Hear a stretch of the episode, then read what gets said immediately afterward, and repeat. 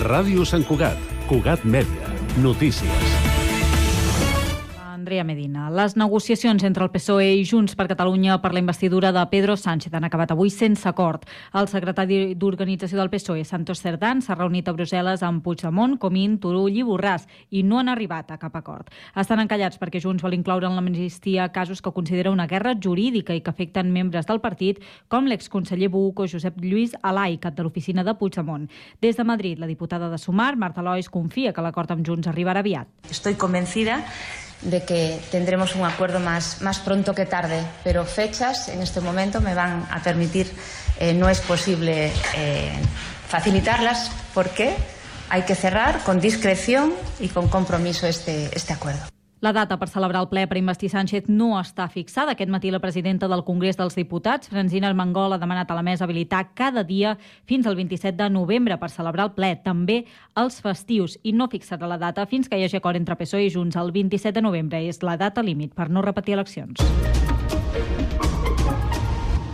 Obrim plana de mobilitat interessant-nos per l'estat de la xarxa viària catalana. Eduard Sánchez, Servei Català de Trànsit, bona tarda. Bona tarda des del Servei Català de Trànsit. De moment, a aquesta hora, sobretot el més destacable, està per una banda les dues rondes. Són les dues llevant molt atapeïdes, especialment les dues en sentit eh, Besòs, tot i que hi ha algun tram també en sentit Llobregat. I d'altra banda, l'autopista AP7, on hi ha trànsit lent, aturades entre Santa Perpètua i Barberà, sentit Tarragona, i ja de forma més puntual a Sant Cugat del Vallès, en sentit contrari, en sentit Girona. També l'autopista B23 queda lentitud entre Molins de Rei i el Papiol en sentit Martorell i per enllaçar amb aquesta autopista AP7. A la resta de vies destacarem la C58, a la zona de Montcada, d'entrada, o la C17, a Parets del Vallès, en sentit Vic. En general, però, si més no, de moment no està sent una tarda massa complicada. És tot, bona tarda. Gràcies. Doncs encara la plana de mobilitat continuen els retards als trens de la línia R4 pel robatori de cable entre Martorell i Sant Sadurní de Noia. DIV ha informat que els tècnics estan treballant per solucionar la incidència i ha retards d'uns 30 minuts. La Policia Nacional ha detingut un home a Terrassa per difondre contingut jihadista. L'arrestat utilitzava les xarxes socials on tenia prop de 400.000 seguidors i 4 milions de m'agrades per incitar la jihad als musulmans que viuen a Europa i incitava també a l'odi contra el col·lectiu jueu i LGTBI.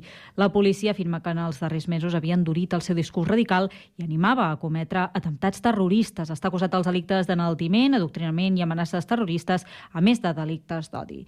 Això és tot fins aquí les notícies en xarxa. Notícies en xarxa.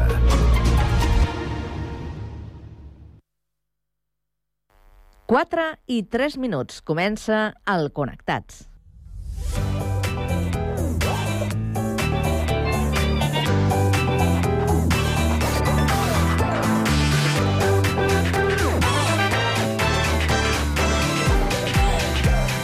Connectats amb Carme Reversa.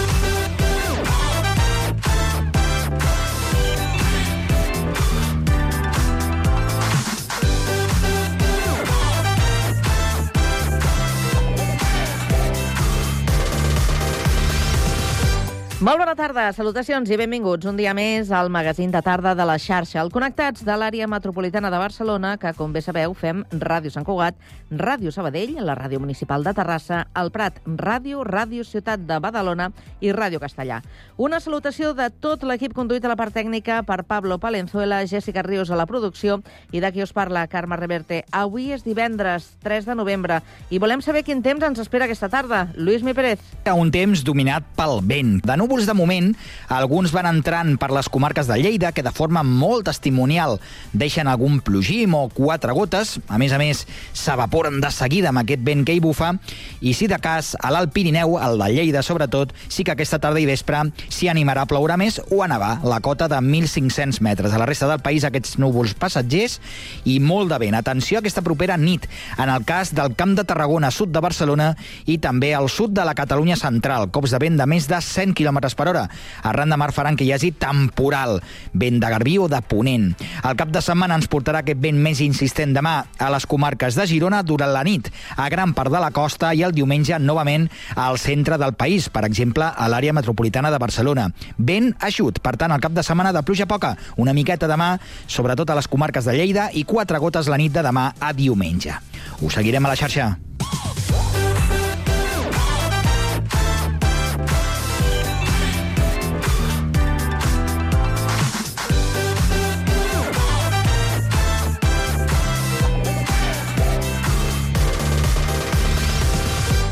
Doncs avui al Connectats eh, us presentarem el joc Una mirada atenta, pensat per a la detecció de la violència masclista per part dels serveis de salut.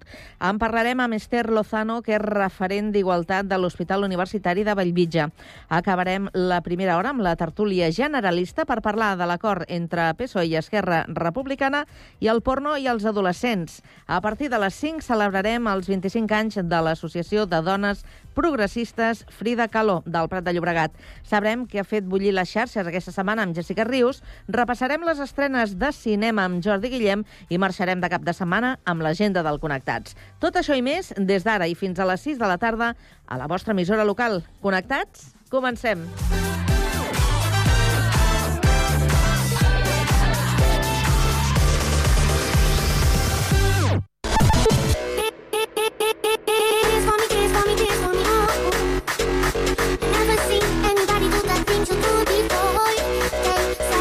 Connectats, una experiència radiofònica a Sabadell, Terrassa, Sant Cugat, El Prat, Castellà i Badalona.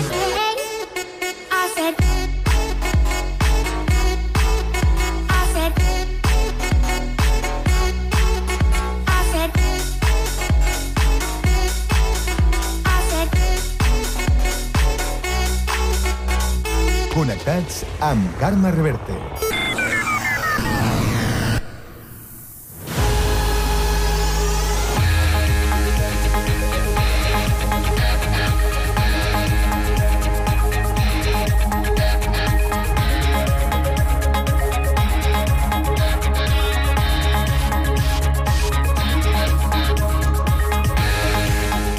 4 i 7 minuts ens actualitzem, ho fem amb la ronda informativa que obrim avui també per Terrassa. Sergi Estapé, bona tarda. Bona tarda. El ple de l'Ajuntament de Terrassa ha aprovat l'increment general d'un 3,5% en impostos i taxes per a l'any vinent. Les ordenances fiscal han tirat endavant amb els vots favorables dels tres partits de l'equip de govern. L'executiu ha qualificat de just i moderat l'increment proposat i ha defensat la reducció en algunes bonificacions. El PSC ha presentat sis esmenes. Demanaven moderar la reducció de les bonificacions a instal·lacions d'autoconsum, ampliar de 3 a 5 els nous trams tarifaris de taigua, eliminar l'exempció que té l'Ajuntament en el pagament de l'aigua i gravar l'inici d'activitat d'habitatges turístics. Totes han estat rebutjades i els socialistes s'han abstingut. Vox i PP han estat més beligerants i han rebutjat frontalment la proposta del govern. Els primers hi han presentat una esmena a la totalitat a les ordenances, mentre que els segons no n'han presentat cap. Amb les ordenances aprovades, el govern se centrarà ara en l'elaboració dels pressupostos. Gràcies, Sergi. Seguim aquest repàs ara per la cocapital, la Sabadell. Avui que és notícia, Pau Duran, bona tarda. Bona tarda. La demanda d'unes infraestructures que facin la comarca més competitiva serà un dels pals de paller de la Cambra de Comerç de Sabadell de cara als pròxims quatre anys. Així ho ha manifestat el reescollit com a president de l'organisme Ramon Alberic. La millora de les connexions dins de la comarca i la construcció de la Ronda Nord són dins la llista de reivindicacions. No obstant això, per Alberic també és important que es materialitzi el traspàs de Rodalies. Són declaracions al Cafè de la Ràdio. el que hem de fer és mirar endavant i, per tant, eh, si realment aquest acord arriba a bon, a, a bon terme, que això eh, encara està per veure, eh, mm, el que després hem de veure és que sapiguem realment aprofitar-ho i eh, ràpidament posar remei a tots aquests problemes. Alberic va ser reescollit com a president de la Cambra de Comerç de Sabadell per unanimitat aquest dijous a la tarda, durant el ple de Constitució de l'organisme. Gràcies, Pau. Anem ara del Vallès al litoral, a Badalona, concretament. Andrea Romera, bona tarda. Bona tarda. El Pla Director Urbanístic Metropolità amb horitzó l'any 2050 redibuixarà la Badalona que coneixem fins ara. El document per a l'aprovació inicial del PDU, que fins a finals d'any es troba en fase d'exposició, inclou diverses actuacions. Entre elles, la creació d'una centralitat a la zona del Besòs, la protecció de la serralada de Marina i la millora de l'accessibilitat de l'entorn de Can Ruti. El PDU aposta per la creació de tres grans avingudes metropolitanes que creuin tota la metròpoli de nord a sud l'Avinguda Litoral, la Gran Via Metropolitana i la Travessera Metropolitana. Aquesta última passaria per l'Hospital Germans Trias i Pujol, afavorint la seva connexió amb la B20 i facilitant que es pugui convertir en un pol sanitari i d'investigació de referència en el camp de la salut.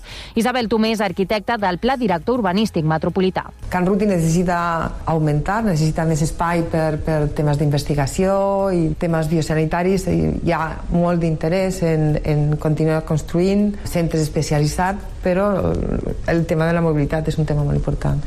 És per això que creiem que igual aquest tipus d'activitats potser haurien de bascular cap a la B20. Més enllà de la travessera metropolitana, les altres dues avingudes incloses en el PDU també modificarien el paisatge de Badalona.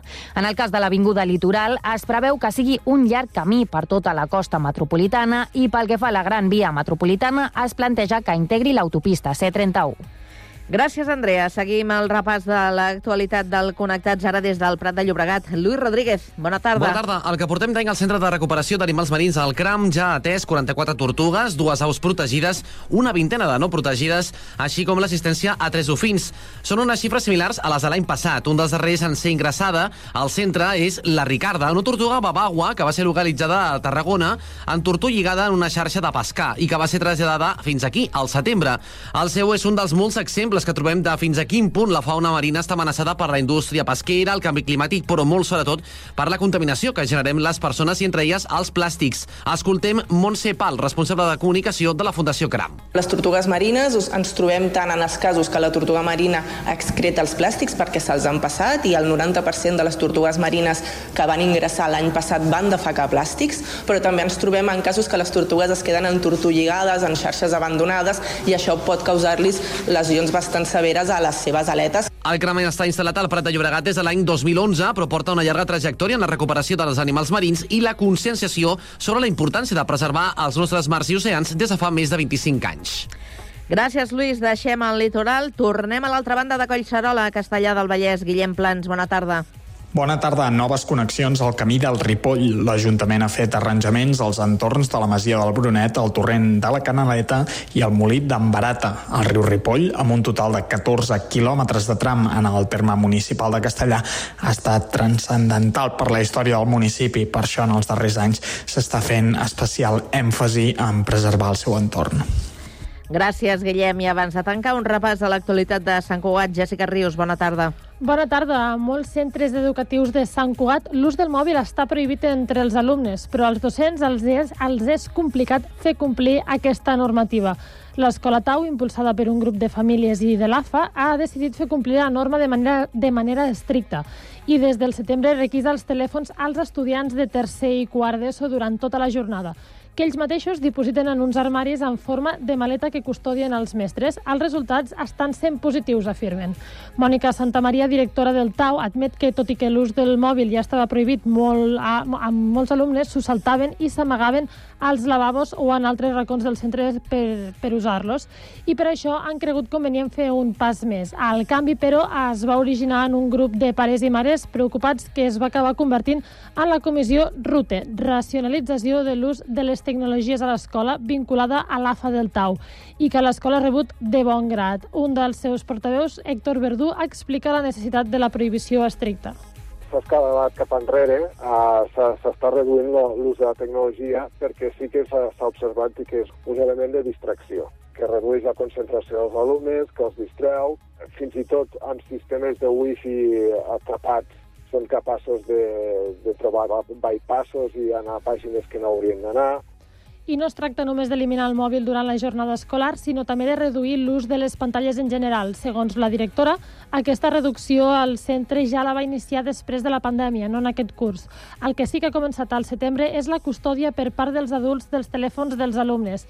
I Santa Maria admet que en dos mesos els resultats estan fent molt, molt positius perquè han aconseguit eliminar el que s'anomena FOMO, Fear of Missing Out, la por de quedar fora. no ens està suposant cap inconvenient, cap inconvenient.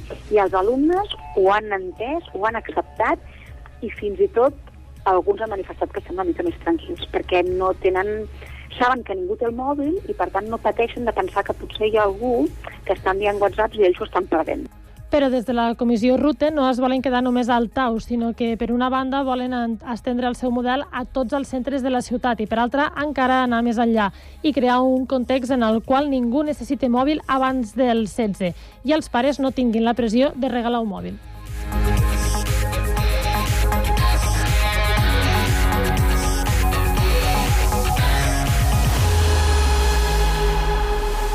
A la tarda, no et desconnectis. A la teva ràdio local, connectats. touch this. Can't touch this.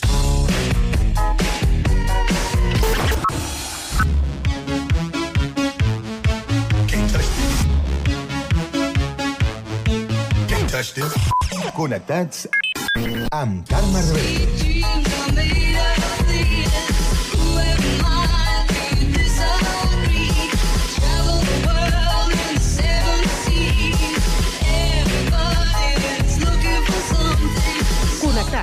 Una experiència radiofònica a Sabadell, Terrassa, Sant Cugat, El Prat, Castellà i Badalona.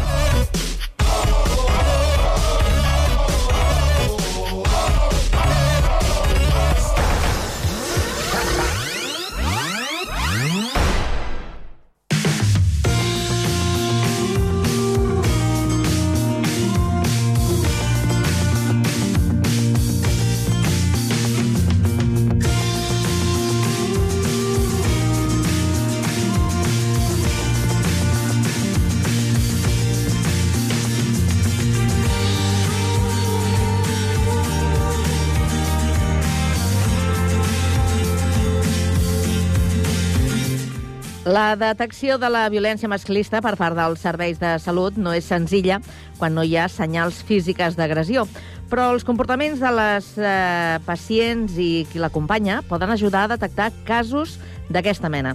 L'Hospital Universitari de Bellvitge ha volgut posar a prova les habilitats dels i les sanitàries del centre a través del joc de taula Una mirada atenta, on es plantegen diverses situacions que es poden donar a l'hospital.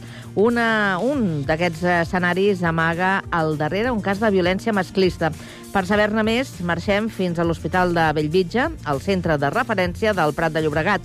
Allà hi tenim a punt amb Víctor Asensio. Bona tarda. Bona tarda. El joc de taula permet als i les professionals aprendre a detectar situacions que podrien passar-se per alt o que fins i tot no tenim associades a la violència masclista. Qui ens ho pot explicar millor és l'Ester Lozano Tardàguila. És referent d'Igualtat de l'Hospital Universitari de Bellvitge. Abans de res, tenim aquest joc de taula sobre, sobre la taula, mai millor dit. Podem veure aquestes dones que són o no víctimes de violència masclista. En què consisteix el joc Una mirada atenta? Aquest joc és una dinàmica gamificada que eh, el que pretén és, a través de la reflexió amb els equips professionals d'urgències, millorar la capacitació d'aquests i aquestes professionals a la detecció i abordatge dels casos de violència masclista que es poden presentar en un servei d'urgències. Llavors, és un joc que mostra eh, sis fotografies de sis dones que acudeixen a un servei d'urgències i dona unes informacions bàsiques de totes i cadascuna d'elles. Llavors, amb aquestes informacions es fan tres rondes i es va descartant a la primera ronda dues i ens quedem amb quatre, a la segona ronda dues més i a la tercera ronda de les dues que queden et quedes amb una. I s'ha d'escollir a través de la reflexió i el diàleg amb els professionals aquella que és més susceptible per la patologia que presenta de, de patir una violència masclista. Parlem de dones que no arriben a urgències en aquest cas per un cas concret de violència masclista, sinó per altres coses. Clar, és que la majoria de dones que venen als serveis d'urgències no venen per una fractura quirúrgica, no venen per un morat, no venen per algun signe visible eh, als ulls del professional o la professional que les atén, sinó que moltes d'elles pues, són pacients polimedicades, han vingut a urgències infinitat d'ocasions, llavors eh, a través de la reflexió d'aquest joc i a través de les històries que es presenten es pot comprovar les diferents històries que cap a priori té indicatius d'una situació de violència i que després, rascant una mica i reflexionant i, i llegint les seves històries, es poden apreciar eh, connotacions que poden denotar que podrien estar patint una situació de violència masclista. Esther, entrem una mica en detall d'algunes d'aquestes històries. Quines dones podrem conèixer a través d'aquest joc de taula, aquesta dinàmica gamificada? Pues podríem conèixer eh, una dona que acudeix amb una fractura quirúrgica acompanyada de la seva germana i que no parla l'idioma, una noia jove que ve amb un estat d'ansietat amb una amiga bastant greu, una dona ja d'una edat més avançada que ve amb un estat depressiu, eh, polimedicada, d'una una, una situació que arrastra d'anys, eh, una, una dona que també acompanya el seu fill molt neguitosa perquè el nen s'ha fet una fractura, una dona també que, que es troba en ple postpart, que acudeix a, a visitar-se per un sagnat vaginal, serien una mica les històries que podríem veure. Llavors, aquí també podem veure que s'entrecreuen eh, molts eixos de desigualtat. Aquí s'observa la interseccionalitat de la violència masclista perquè entren en joc eh, l'edat, eh, el, el nivell cultural, la classe social, eh, una sèrie de desigualtats que, que, que es, poden, es poden apreciar també amb la violència. Clar, nosaltres quan pensem en una dona que és víctima de violència masclista tenim una imatge eh, social potser molt, molt referent, però aquestes violències es poden donar, eh, com, com bé comentaves, de forma interseccional amb qualsevol dona, amb qualsevol estatus, amb qualsevol moment de la vida, eh, i potser ens costa una miqueta més detectar aquest tipus de, de perfil de persona que és víctima de la violència masclista. No sé si el joc el que vol precisament és trencar aquest perfil o aquesta idea preconcebuda. Sí, és que a veure, la violència masclista és un problema de salut pública i afecta a totes les dones de qualsevol edat, de qualsevol raça, de qualsevol condició, qualsevol nivell cultural. Llavors, aquest joc el que convida també és que a través de la reflexió es posin sobre la taula diferents punts de vista, diferents prejudicis, estereotips que tothom porta incorporats a la motxilla i a través de la reflexió, de la confrontació amb els companys i companyes fa que també tu mateix i tu mateixa et facis una revisió de tot això i que quan se't presenti un cas que aparentment no associaries a una possible violència masclista, a través de totes aquelles ensenyances que has adquirit amb la pràctica del joc, se t'encengui una, una llum verda i, i, incorporis aquelles ulleres liles que tothom a la institució hauríem de portar per, per tenir una mirada més atenta i més observadora en aquests casos. Aquest joc que l'ha desenvolupat Blix es desenvolupa aquí també, es, es du a terme aquí a Bellvitge, és pioner al centre precisament en posar aquesta, aquesta dinàmica sobre la taula. No sé si l'objectiu precisament és que això tingui un, un resultat efectiu a les urgències de l'hospital. Sí, sí, sí. A les urgències de l'hospital hi ha altres equips que poden intervenir en, en el tractament d'un cas de violència masclista, com poden ser els serveis de traumatologia, de psiquiatria, de ginecologia. S'ha presentat aquí, a l'Hospital de Bellvitge, de forma pionera, però la idea és que es faci extensiu a tots els equips que t'he comentat de tot el territori català. I com comentaves, serien més d'un equip, ara mateix s'ha començat amb urgències, però això s'anirà expandint a altres equips eh, i treballadors i treballadores de la casa. Sí, perquè el que es tracta és que tothom, totes les persones que treballem a la institució, tinguem aquestes ulleres liles incorporades i tinguem aquesta mirada atenta a tots els casos que se'ns pugui presentar, tant si els atents a nivell assistencial com si els atents a admissions, a cribatge, però la idea és mm, incrementar aquesta, aquesta detecció, que ja és una detecció alta, però que sempre hi ha un marge de millora. I amb eh, aprenentatges com aquest s'ha comprovat que, que aquesta millora eh, s'assoleix. Aquesta dinàmica ja l'heu feta, ja l'heu posada en pràctica en personal de l'hospital. Quina ha estat la reacció dels i les professionals quan han fet aquest joc? Eh, han descobert potser alguna persona que no es pensaven que patia violència masclista? Bueno, hi ha hagut molt bona acollida, perquè precisament és una mica el que et comentava, no? que, que quan tu reflexiones, eh, aquestes creences que tu ja portes incorporades i aquests estereotips eh, es posen sobre la taula. Llavors, quan, eh, eh, quan es veu el resultat del joc, eh, això fa que tu també et revisis tots els teus qüestionaments i totes les teves opinions. A més, és un joc en el que també es veuen diferents tipus de violència, que això és molt important, vull dir, perquè ja no és només la violència física, és que estem parlant de violència física, de violència sexual, de violència vicària, de violència econòmica, i clar, incorpora eixos de desigualtat, però incorpora diferents tipus de violència. I això també fa que a, a, a, contribueix a la novetat no, del joc. Per posar una mica un exemple o aclarir com funciona aquesta dinàmica gamificada, um, en què s'han de fixar els i les professionals que participen quan veuen un d'aquests casos que tenim aquí sobre la taula? Què és el que han d'anar veient o com han de decidir quina o no és la dona que pateix la violència masclista? Bueno, a veure, decidir-ho és a través del diàleg i de la reflexió. L'únic que un cop el joc finalitza, t'acabes donant compte de que les teves reflexions han d'anar més enllà. Has de, has de, has d'avançar, no t'has de quedar en...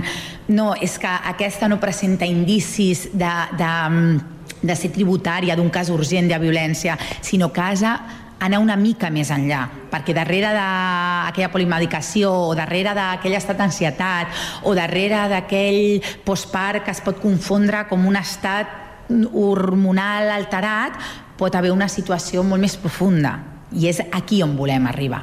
I aquí és on s'arriba quan el joc finalitza i és l'aprenentatge que es porten els nostres i les nostres professionals.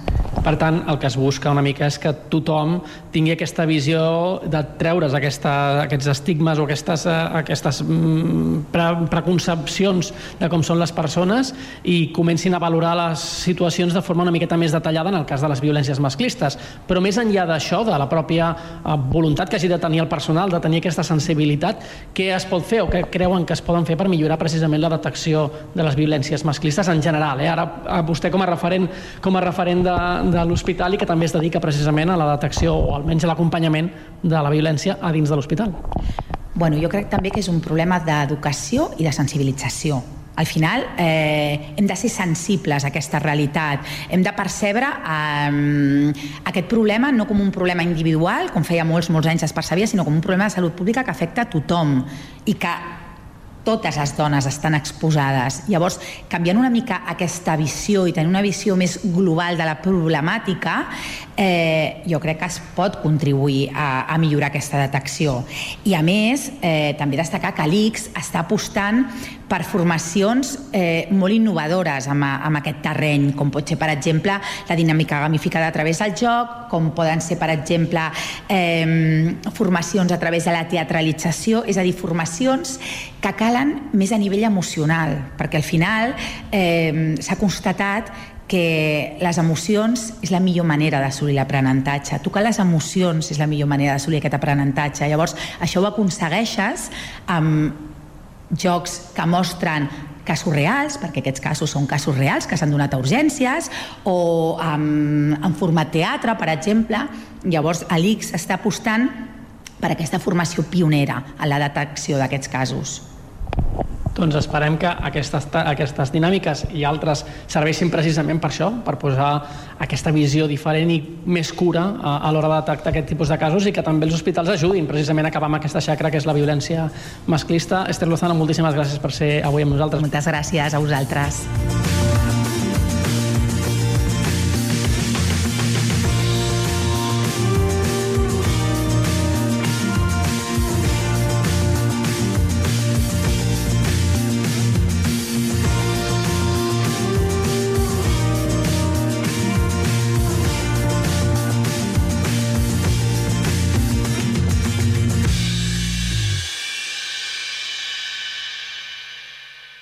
A la tarda no et desconnectis.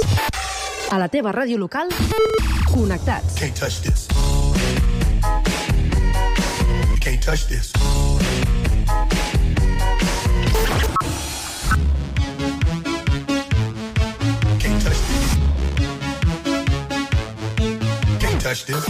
Connectats amb Carme Rebell.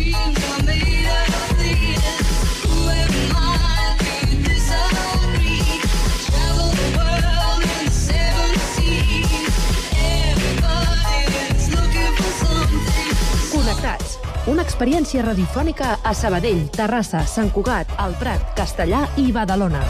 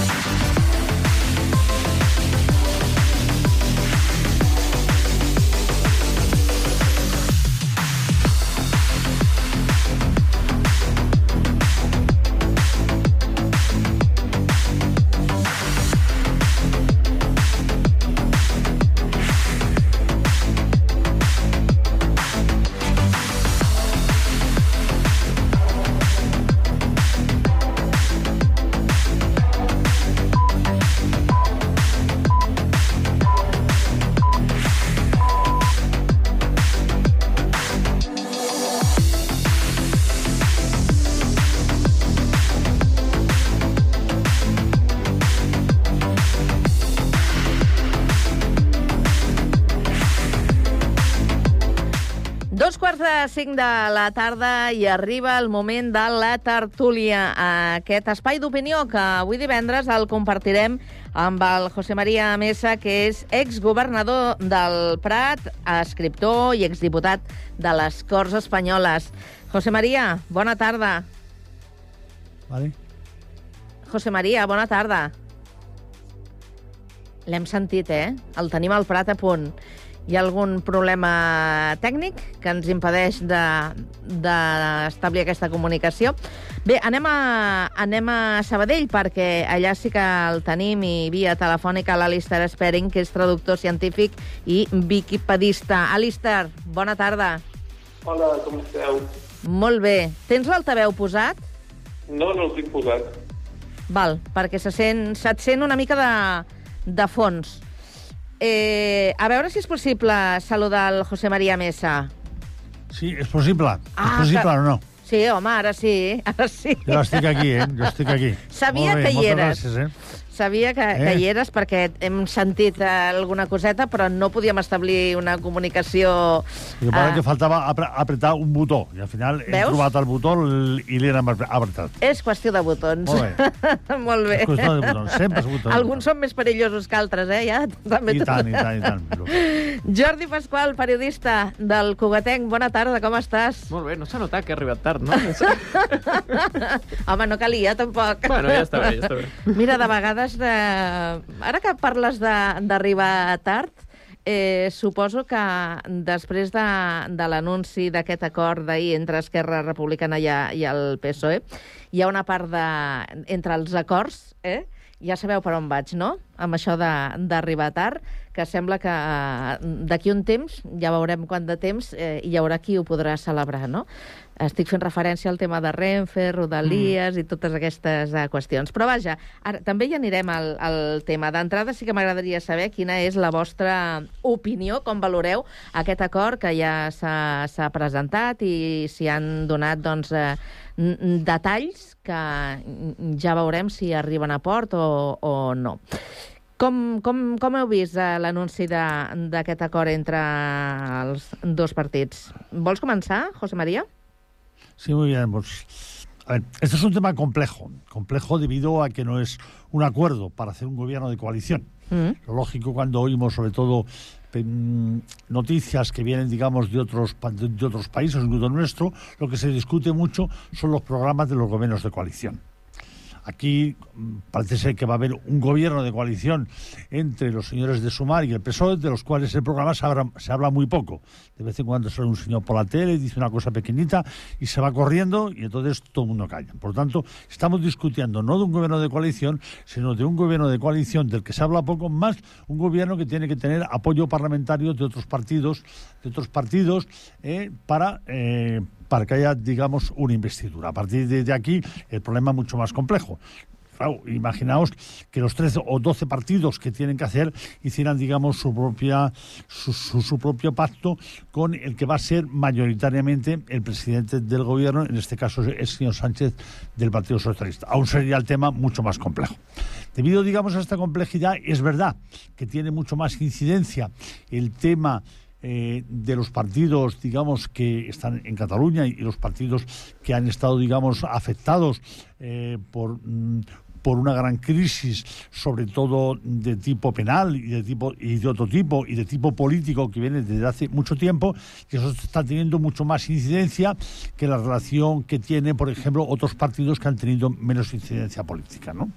Entonces vamos a ver a quién beneficia esto. Hoy el Endacari decía, dice, bueno, esto con que con que vaya, le vaya bien a Cataluña ya está bien. Bueno, estamos discutiendo un gobierno de España y no sé si al señor que tarda siete horas en llegar a Extremadura le va a gustar. Yo, yo no lo sé, pero digo porque el tema, digamos, es mucho más complejo. Pero si quieres, luego podemos profundizar un poquito más. ¿eh? Està bé el matís que estem parlant d'un acord d'investidura que no d'un acord de, de govern, això està, està clar. També ha d'estar clar que eh, el govern, eh, per aquesta investidura, no només està eh, negociant amb els eh, partits eh, catalans, sinó que també ho està fent eh, amb altres. El que passa és que el gruix de, dels acords doncs, focalitzant en, en Esquerra i en Junts. Eh, com com l'esteu veient vosaltres, Alistair? Bé, en política...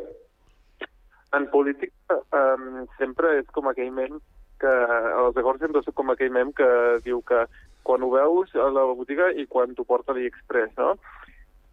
I en aquest sentit, um, el, ahir TV3 informava que seria un acord integral per al traspàs integral de Rodalies, però com a mesura que han anat sortint més detalls, hem vist que tan integral no era, perquè primer només eh, afecta només unes quantes línies, per exemple, les línies per les quals passen els trens de mercaderies estaran exemptes, hi ha un gran forat a la xarxa a les comarques gironines, al Camp de Tarragona, a la Terra de l'Ebre, i per tant geogràficament dista molt de ser integral. Um, en termes de governança, tres quarts del mateix, perquè no serà un traspàs, sinó que es crearà una nova empresa pública que serà participar al 50% per l'Estat i per la Generalitat mm. i eh, que en, en això l'Estat tindrà el dret de vetar les decisions estratègiques. Per tant, això també una, de nou torna a distar molt del que seria un traspàs integral. I, i, i tercer, el que més m'interessa a mi com a usuari de Rodalies és el fet de saber que aquí és important qui gestiona el servei, però més important és que hi hagi les inversions necessàries en infraestructura i material i en recursos humans per fer que el servei funcioni bé. I en temes, en termes de finançament, l'acord o el que s'ha publicat fins ara és extremament vaga i no té cap detall. Per tant, eh, és, caldrà veure com es desenvolupa, però és un bon començament, diria jo. Mm, un bon començament. Aquest seria el resum. Hi ha un tema important en aquests eh, acords eh, que, que han signat PSOE i Esquerra Republicana i que precisament és el mateix que eh, de moment frena el vistiplau de Junts, que és eh, la llei d'amnistia. Mm. Jordi. Bueno, clar, és, és realment complicat tot aquest tema, no? Perquè, um, d'una banda, pel, pel tema Rodalies és el que estàvem comentant ara, no? Que hi ha alguns temes que fal sembla que falta, que falta concretar. De fet, aquí tenim planificacions fetes, el Pla Específic de Mobilitat del Vallès que preveu algunes, algunes inversions i queda allà en un document, però mai s'han arribat a, a aplicar. Allà, per exemple, estan recollides els famosos intercanviadors de la R8, que això és el que ens afecta directament a Sant mm. Cugat, mm. uh, i és una cosa que fins que no ha passat pel Congrés i s'ha aprovat i tal, uh, semblava que era allò que anava a quedar-se en l'aire. Per tant, aquesta és una banda. I després l'altra jo crec que entronca molt més en la situació política que ha viscut Catalunya durant, durant els últims anys i que intenta ser una, una mostra d'apropament de posicions um, que no deixa de ser una sessió per, du per dues bandes, no? perquè en el moment que acceptes una amnistia i que la resta de la negociació està anant en els termes de Rodalies i tot el que estàvem parlant ara, uh, significa que de certa manera estàs renunciant a la unilateralitat, que és una cosa que Esquerra Republicana ho tenia més clar, però el conjunt de l'independentisme no, um, i alhora també demostra que el, el govern espanyol, sobretot el, el PSOE com a, com a partit majoritari, de certa manera també sumar, um, bueno, uh, està disposat a fer aquest apropament. A mi el que em preocupa d'això eh, és la lectura política que es puga fer a, a nivell del conjunt de l'Estat, perquè que el Partit Socialista faci aquest pas no significa ni que tot el Partit Socialista estigui en aquesta posició, ni molt menys, um, ni que la resta de forces que tenen una, una implantació al, al conjunt de l'Estat. Tenim l'Alistair, segurament l'hem perdut, ara l'intentarem recuperar. Bueno, això, que la resta de forces que tenen una implantació al, al conjunt de l'Estat se senten còmodes. Per tant, jo crec que acords eh, importants, com, com és una llei d'amnistia, seria desitjable, encara que tal com està la fragmentació política i la polarització política és molt difícil, tingueren un suport molt més ampli perquè partisquen d'un consens, perquè si no pots acabar fent un efecte boomerang precisament les, eh, la, la crítica que ha sorgit eh, de, de Junts per part de Jordi Turull després d'anunciar de, de aquest acord entre PSOE i Esquerra Republicana eh, apunta precisament aquesta llei d'amnistia. Eh, des, de, des de Junts el que volen és que sigui una, una llei àmplia. Aquesta, aquesta mateixa tarda Eh, aquesta mateixa tarda s'ha anunciat, eh, hi ha una notícia que parla dels membres de, dels CDR que estan mm. encausats en, en l'operació Judes, que sembla que aniran a, a judici per terrorisme. Tot això enmig d'aquest anunci, d'aquestes negociacions que encara no, no s'han tancat. Sí, uh, no, dona la sensació que no és casual, però tampoc ara es posarem a acusar a ningú de, de fer política excessivament. En tot cas, la negociació política és la que és, que és la dels partits, que siguen ells els que fallen l'opinió. Ara no em ficaré jo en, en una piscina, en un mar enorme. però, però jo crec que el, el, la, la qüestió a tindre en compte en tot això és el moment polític d'on venim i quins consensos generem uh, per a trobar una, una solució política al tot el que han viscut aquests anys. Mm. Uh, jo crec que la llei d'amnistia, en, en aquest sentit, uh, crec que és un, una reivindicació lògica i, i entenc que implica una renúncia per, per una de les bandes, uh, però el problema és que tampoc l'independentisme ho té clar del tot, com bé deies, no? És a dir, hi ha una part de l'independentisme que, que dubta, i això fa que aquesta llei d'amnistia, quan naixca, naixca coixa per les dues bandes, perquè, ni, com deia, ni tot el PSOE està disposat a acceptar una llei d'amnistia en els termes que està parlant-se, perquè directament no accepten cap llei d'amnistia, bàsicament, uh, ni tampoc l'independentisme està unit. Uh, crec que té sentit, si el que vols és fer, uh, entendre allò com un parèntesi polític, que l'independentisme puga um, fer una reflexió més àmplia i a veure cap a on ha de caminar i que Espanya puga donar, quan dic Espanya, els partits que volen la unitat d'Espanya, um, volen proposar un model d'una Espanya plurinacional o no, però on l'encaix siga possible, um, crec que és, no és una mala idea tractar tot el que ha passat com un parèntesi, no? que és una mica el, sembla que la línia política es porta cap aquí, però sense una llei d'amnistia potser és més difícil. Per tant, entenc que com a proposta inicial no és una mala idea.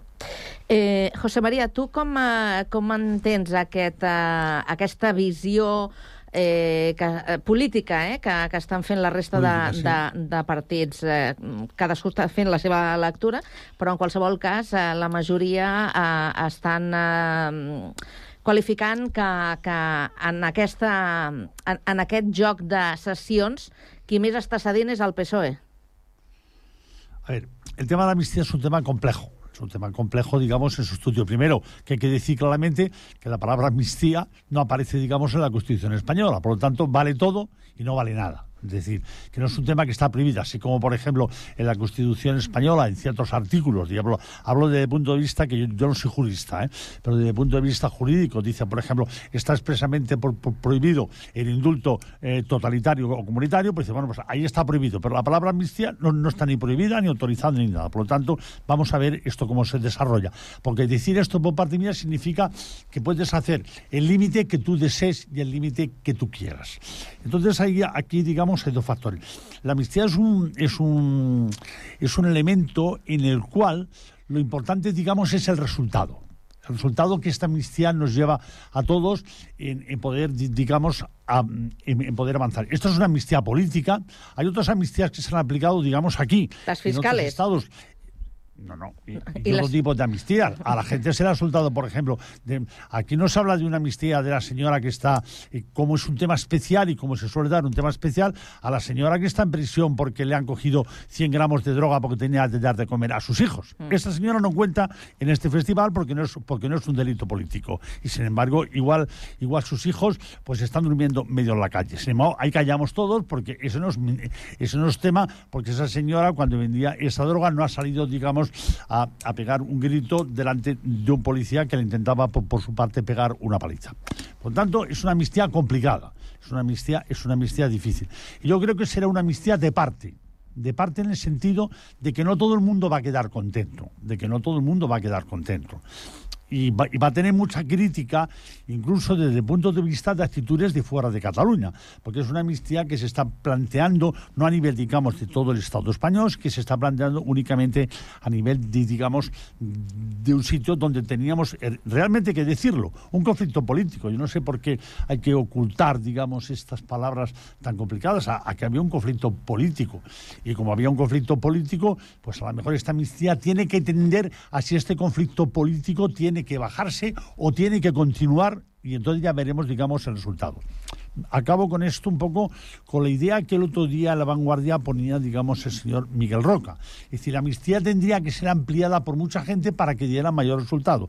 Esta amnistía puede ser únicamente aprobado por el 50,1 o el 51% y entonces ya veremos, digamos, el resultado que tiene, porque luego hay que llevarla a la práctica ley a ley motivo a motivo cada vez digamos que se plantea digamos un tema un tema necesario.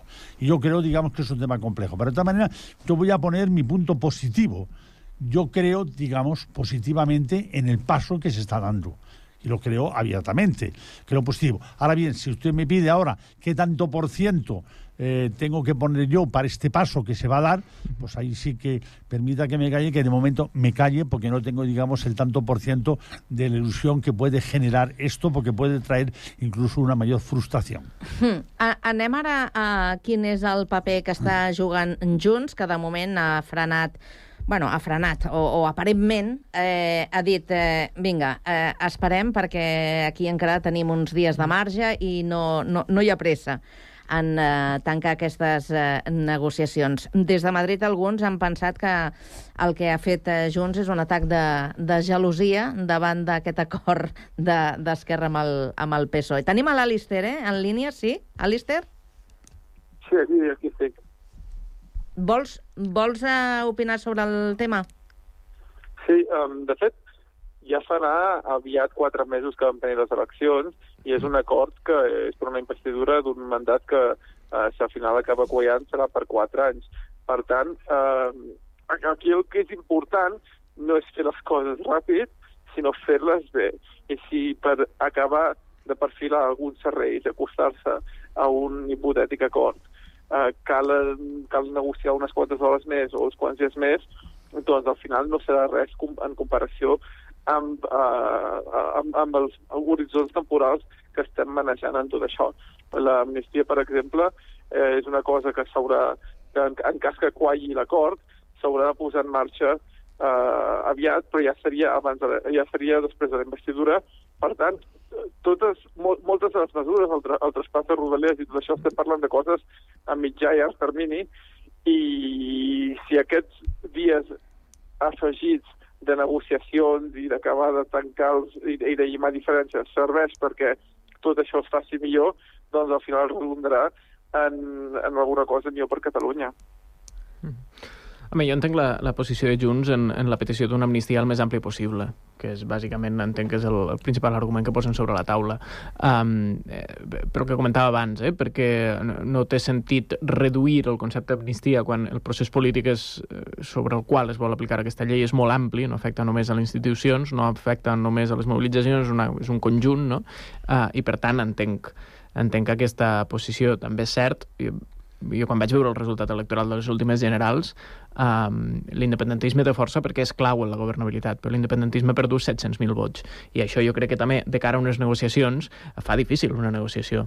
Entenc que Junts vulgui utilitzar la carta d'aquesta negociació, d'aquesta, bueno, de, de dir, anem més enllà, intentem a més... Jo crec que ells són el partit que ho tenen més difícil dins de la negociació, dins del propi independentisme, no? perquè segurament és el partit que més part de l'independentisme havia agafat com el que estava defensant més tot allò del mandat de l'1 d'octubre, tot, tot aquesta, tota aquesta dialèctica que encara gira al voltant del procés i que jo crec que altres partits ja han fet el pas de dir no, no, eh, no estem en aquest moment, eh, això no vol dir que no siguem independentistes, hem de reconstruir l'espai polític, hem de veure quina posició agafem. Jo crec que Junts en aquest sentit és el que ho té més complicat però en remet al tema dels vots, és que, que tu sigues clau a la governabilitat d'un país eh, no vol dir que qui va guanyar les eleccions en Catalunya no, no era l'independentisme, perquè de fet va perdre molts vots pel camí. No? Bé, doncs eh, deixarem que, que vagi evolucionant el, el tema. De moment, eh, com apuntava l'Alistar en la seva primera intervenció, doncs eh, és un, una bona notícia que, que de moment es parli d'aquests acords. Ja veurem, una cosa és el que hi ha sobre el paper, després veurem quina és la realitat o com es tradueix tot això, però per, eh, per veure doncs, eh, cal fer molt camí encara. Si us sembla, canviarem de, de tema per parlar d'un altre dels temes eh, que s'han posat eh, sobre la taula eh, les últimes setmanes que té a veure amb la relació entre els adolescents i la pornografia. Perquè, mm, a veure, no sé si a vosaltres us sorprèn que cada vegada doncs, siguin eh, més joves els que, bueno, a, a edats eh, molt primerenques, que tenen els primers contactes amb, amb la pornografia. Eh, segons una enquesta que ha fet la Diputació de, de Barcelona a estudiants d'entre 15 i 16 anys, de 90 municipis de, de la província de Barcelona, doncs hi ha un 57% eh, és a dir, la majoria de, dels alumnes de quart d'ESO, han vist pornografia alguna vegada i la meitat hi han accedit abans dels 12 anys. Són eh, dades que... Què us diuen? José María. Bueno, yo creo que este es un problema muy complicado también, muy educativo. El concepto, digamos, de la libertad y de la capacidad que un niño que, que un niño to- todavía no adulto o un niño muy joven puede llegar, digamos, a este proceso, digamos, de ver pornografía, él solo por su cuenta, sin permiso de los padres, sin permiso de los profesores, sin permiso de nadie, a través de, digamos, de un teléfono móvil, pues es un tema, digamos, complicado, que entra, digamos, en una discusión que yo creo que no se ha hecho hace años suficientemente, que es el grado de la libertad de, de las personas y del control de los teléfonos móviles en manos, digamos, de esta juventud. Actualmente hay una preocupación, por ejemplo, muy importante por gente importante del mundo en el tema de otros temas que van a venir en, en el tema de la informática. Hay preocupación. Cuando empezó nosotros el tema de esto, se daba como un hecho de la libertad. Y a partir de aquí entramos en un proceso educativo que le creo que hay que entrar profundamente, porque si no este será, digamos, un tema complicado, que puede ser más complicado de lo que hoy dicen incluso en las propias encuestas. I A mi no em sorprèn la, la, la dada, no?, de que cada vegada més joves, eh, o sigui, més, a una edat més, pro, més, Més primerenca. més primerenca oh, com estic avui, um, el que el consum siga cada vegada això, no? Um, el que el que crec que hem de ser capaços és d'entendre que si això és així, difícilment ho revertirem, és quins mecanismes tenim a nivell educatiu, i això és una cosa, diria, més de les famílies quasi que de l'escola, encara que l'escola també pot jugar un paper, um, per, a, per a explicar bé això. És a dir, perquè és que el porno, quan es parla de que molts joves entren a, a veure porno, de vegades és quasi de forma involuntària, és a dir, clar que hi ha que, que entren buscant-lo, uh, però és que quan entres a una web d'aquelles de descarregat un vídeo de YouTube, molts dels anuncis són pornogràfics, no? Sí. I, I per tant, uh, és molt fàcil que, que un infant sense la voluntat d'anar a la pàgina porno acabi entrant.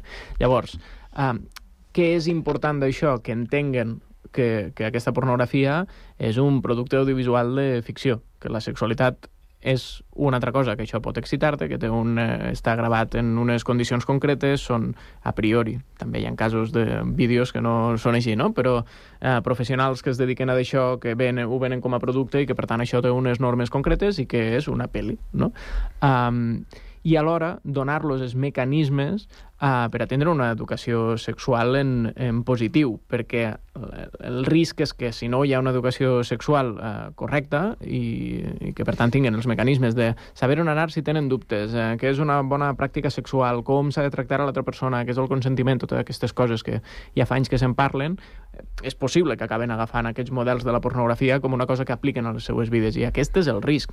Al final que un xiquet més o menys gran uh, entre a pornografia és relativament problemàtic, evidentment el que no pots fer és Si no s'aborda el tema. si no s'aborda el tema. Mm. Eh, que si li resulta incòmode, doncs ell ja farà tot el possible per a, per a no entrar més. Vull dir que això també depèn de l'etapa madurativa de cadascú, però que xavals eh, preadolescents o adolescents estiguen entrant a, por a pornografia doncs no, no ens sorprèn gens. Abans s'amagaven les revistes abans de, baix del, del matalàs Però i ara... només veies una revista que a més era una, una imatge fixa Exacte. que tampoc no et donava gaires pistes més, no? Exacte, per això dic que pot Sí, ser però ara... Tenia, però quan comprava aquestes revistes tenia de gent de 17, 18, 19 anys, tot, tots ho hem fet. Bueno, però bueno, bueno, aquest no. problema que tenim és que tenim nens... Uns germans més 12, grans que ho 13, donaven 14 minuts. I dos anys. Clar. Alistar, Deia, d'aquest- d'aquesta enquesta el que em crida especialment l'atenció no és tant la xifra de cap del 57%, sinó la xifra dels, de, dels que ho han vist abans dels 12 anys, perquè abans dels 12 anys és una edat especialment precoç i eh, en les quals no hi ha, no hi ha el context que dèiem de l'educació familiar, l'educació d'escola, però és que potser tampoc és que eh, és el, el moment més apte perquè aquesta educació in- incidís. Per tant, aquesta xifra és la que la que em sembla que mereix més atenció. Però més enllà d'una anàlisi quantitativa d'anys, estic d'acord que és, és també un problema qualitatiu el fet que entenguin que és, com dèieu, una obra de ficció. I, i, jo, i jo això, en aquest debat, sempre ho, ho il·lustro molt de la següent manera, que és que de la mateixa, de la mateixa manera que no intentaries aprendre arts marcials mirant una pel·lícula de Jackie Chan o aprendre a cuinar mirant Ratatouille, Doncs eh, eh, els joves han d'entendre que no, que, que, que la pornografia no és una manera d'aprendre a tenir relacions sexuals eh, que, que, que, que, valguin la pena i que siguin eh, fruit profitoses i, i per a les dues parts. I en aquest sentit, jo recordo una enquesta que va sortir fa un any o així, que no era sobre les edats, sinó que era sobre les actituds dels joves envers la pornografia i que hi havia un nombre creixent de noies que se sentien pressionades per les seves parelles a fer actes sexuals que ja no els agradaven, però que les seves parelles havien vist en la pornografia.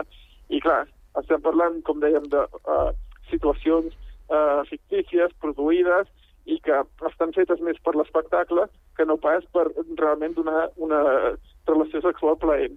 Però, en canvi, hi ha cada vegada més nois joves que tenen aquestes expectatives de les seves noies, de les seves parelles, i elles que se senten cohibides i pressionades per fer-ho.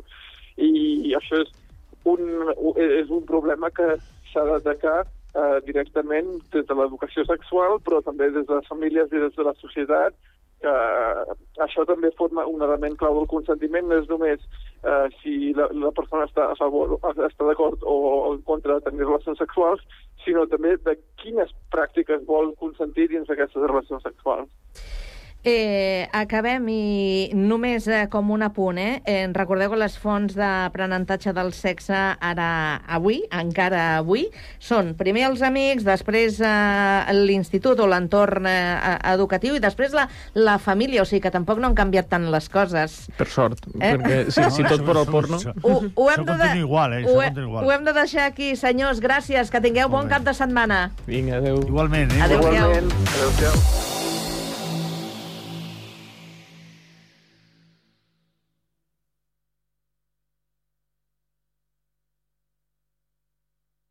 Passar bona tarda. Adéu-siau. Adéu, adéu, adéu.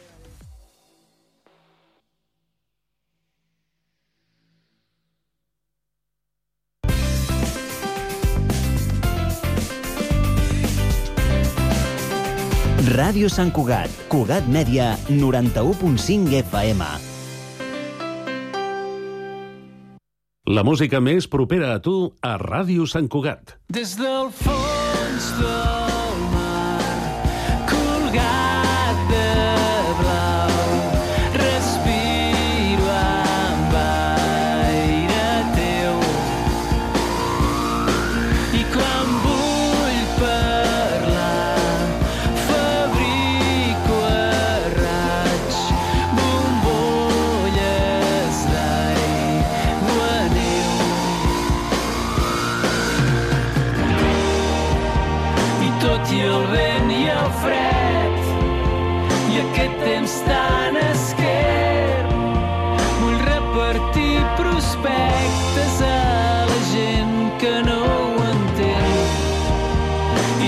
el cor de veus que ens colguen de retrets. Faré com si plogués fent sempre coses noves beure vi menjar hores de curar-me el cap amb mil cançons. Des del blanc del